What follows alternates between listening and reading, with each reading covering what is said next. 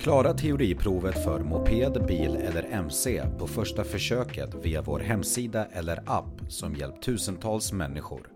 Besök körkortssidan.se och börja redan idag.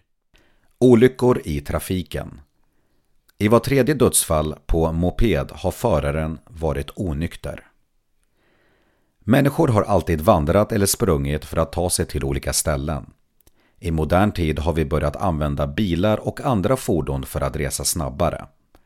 Människan är inte skapad för att färdas i hastigheter som en moped, motorcykel eller en bil är byggd för. Och våra kroppar klarar inte de skador som kan uppstå vid kollisioner i höga hastigheter.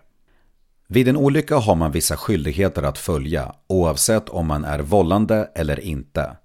Man ska främst hjälpa eventuellt skadade och se till att situationen inte försämras.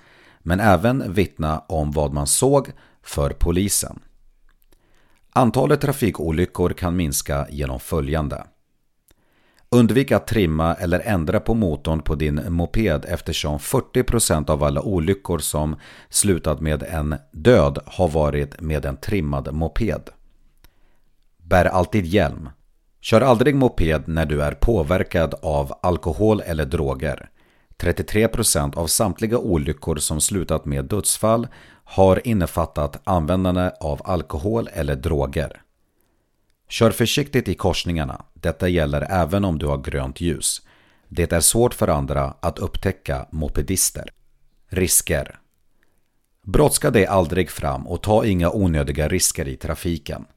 Riskera aldrig livet för dig själv eller för dina passagerare genom att köra för fort eller försöka tränga in framför en bil eftersom risken är att du tar störst skada när du kör moped.